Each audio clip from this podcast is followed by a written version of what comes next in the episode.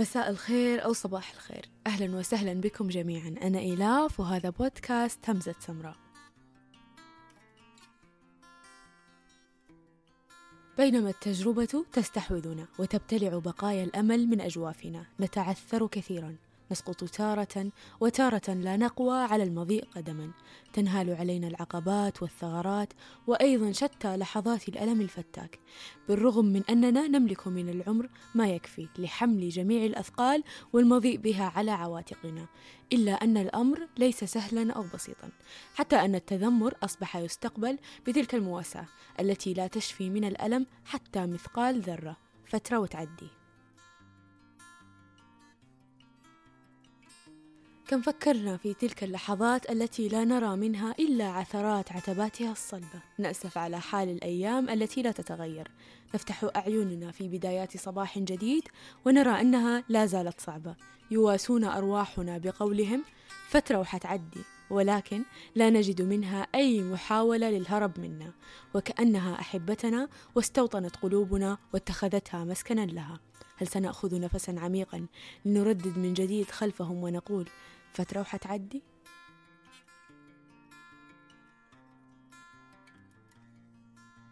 صعاب.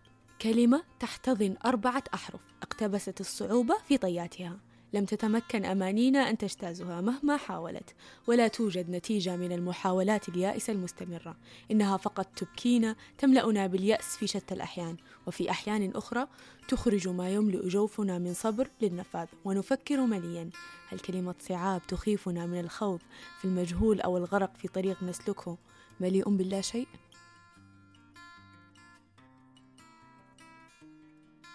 إذ يكمن السؤال في هل سننجز ما نحلم به دون أن نقع في شباك هذه الكلمة؟ أم أنها ستصطادنا كما فعلت مع من قبلنا؟ أسنمضي الطريق بدون التطرق لذكراها؟ ثم سيهمس صوتا يصارع أفكارنا داخل العقول ليقول مستحيل.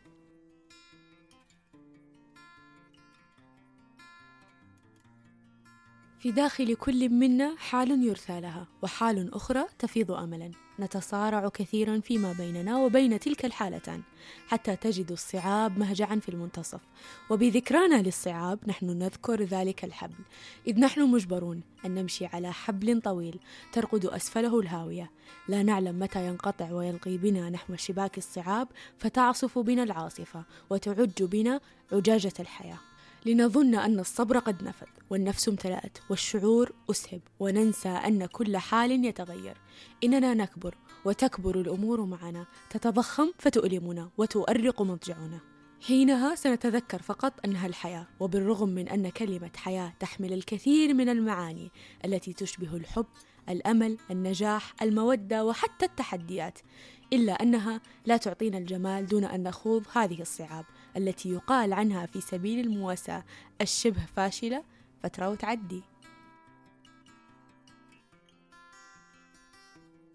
ولكننا من عمق الصعاب التي نغرق في وسط بحرها لا نستطيع أن نرى جمال وسعه البحر. كل ما يدركه العقل أننا نغرق الآن.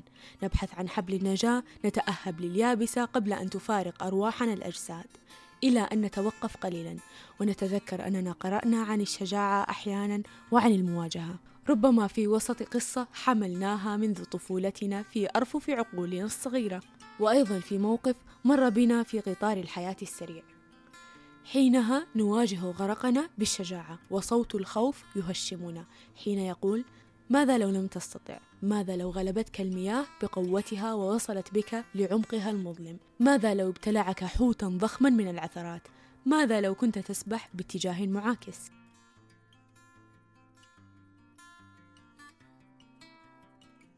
فعد للتفكير مجددا. متى أصبح الخوف أقوى من الإنسان لدرجة أنه قادر على تغيير قراره في ثانية وبعثرة أحلامه في لحظة وتشتيت طريقه في دقيقة. في تلك اللحظة سترى أن كل ما تسمعه الآن هو وليد من كلمة بحر الصعاب. وستبدأ بقرارك للخروج نحو اليابسة. لن تغرق بقرارك للنجاة من الغرق عن طريق مواجهته. ستخشى الغرق وعدم المقاومة أكثر. إننا نهلع.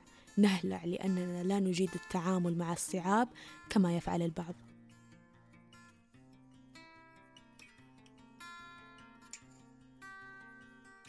قد تبدو الصعاب مرهقة تأكلنا فهل سننتظر إلى أن تملأ أمعائها بأحشائنا المهشمة؟ ذكر في اقتباس شهير لويليام شكسبير قال فيه ما أشقى من لا صبر لهم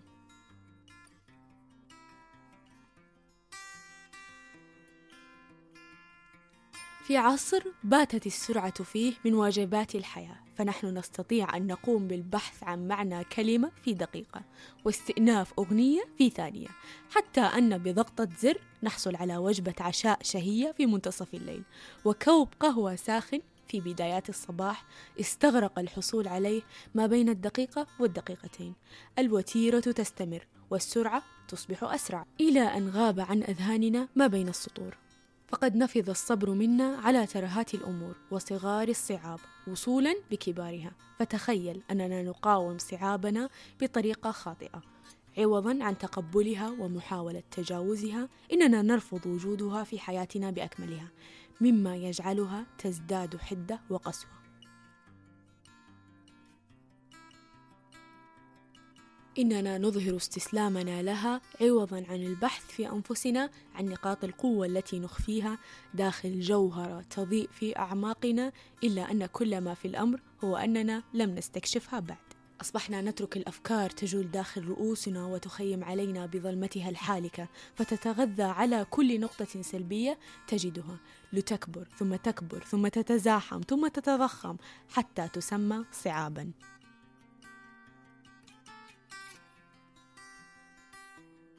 لنقف على أقدامنا مجددا ونحارب للنهاية. نحاول جاهدين تقبل صعابنا. نربط نقاط القوة داخل جواهرنا الخفية لنزداد ثقة تقوينا على تجاوز عتبات الصعاب العالية. لا أحد يعاني وحده. كل مر ببحر صعابة. نحن معا نستطيع تجاوز الأزمات. إن استمعت قلوبنا لبعضها ستجد من يشبهها بالألم والمحن. سنشكل سلسلة مترابطة ننقذ فيها بعضنا من فخاخ الصعاب. ونتذكر بالأخير إنها فعلا رح تعدي. لا شيء يطيل بقاؤه ولا توجد محنة تستوطن دار الأبدية. لا يوجد استثناء للصعاب في هذا المنطق. لذلك ستعتبر هذه أيضا وما يبقى هو فخرنا بأنفسنا حين تعلو أصواتنا لنخبر بها الكون بأكمله عن فترة الصعاب التي مرت بنا ولم تنل منا. فترة الصعاب التي جعلت أرواحنا صلبة لا تنهزم فبدون الصعاب والمحن لم نكن لنصبح بهذه الصلابة. قد تختفي الإصابة والندبة تحكي القصة. صعاب زلت بها الخطى يحملها على ظهره الفتى يسير نحو حلمه شامخا أنا الصعاب للصعب وكفى.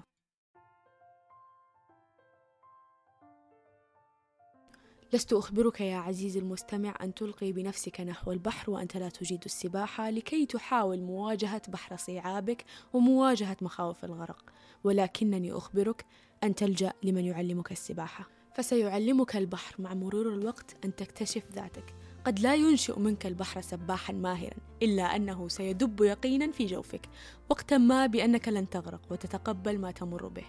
عندها فقط سيضيء لك طريقا مزهرا تعبر من خلاله لتتجاوز بحرك مع كل فترات الحياة الصعبة. فصبرا جميل الحياة بأكملها تنتظرنا لننجو من المحن. أتمنى أنكم استمتعتم معي وبإذن الله بالحلقات الجاية بشارككم قصص أخرى ونصوص أخرى وأيضا ثرثرة تليق بمسامعكم. وتصل لأعمق نقطة من قلوبكم. شاركني بهذه الحلقة الكاتبة أنفال. كنت معكم أنا إلاف والسلام عليكم.